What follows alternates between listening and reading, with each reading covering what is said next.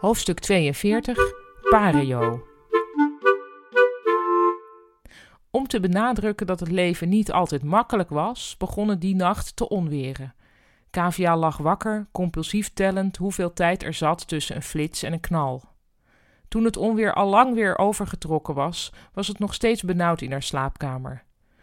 Ze droomde dat ze op een groepsreis moest naar een tropische bestemming. Stella was er ook bij en Rogier. Stella vond het belachelijk dat Kavia geen pario bij zich had. En Kavia wilde googelen wat een pario ook alweer precies was, maar er was geen wifi op de tropische bestemming. Gewikkeld in haar laken werd ze wakker. Het was nog vroeg, maar ze besloot op te staan, extra lang te douchen en weer eens haar hele vacht te wassen. Het was een winderige ochtend, merkte ze toen ze naar haar werk liep. Haar natte vacht ging wijd uitstaan, waardoor ze als een soort ragebol op haar werk verscheen.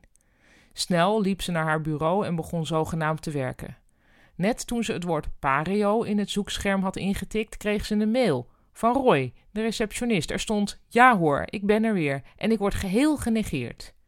Kavia sprong op en rende naar de receptie. Sorry, ik had je niet gezien, riep ze. Hé, hey, je hebt een nieuw kapsel, riep hij er meteen overheen. Ga je voor de Farrah Fawcett look? Nee, ik heb gewoon mijn haar gewassen.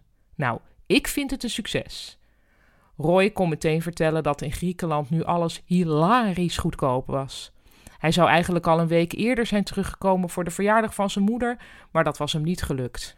Want ik zat zo zen op dat eiland visjes te eten dat ik dacht: ik ben gek als ik terug ga.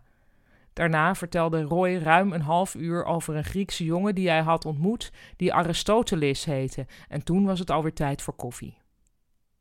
Rond een uur of drie besloot Kavia al haar aandacht te richten op de kei die ze nog steeds van een boodschap moest voorzien. Ze probeerde het huwelijk dan wel krampachtig te verdringen, maar toch kwam het steeds dichterbij. Uiteindelijk schreef ze voorzichtig met typex op haar kei: Heel veel geluk, Kavia.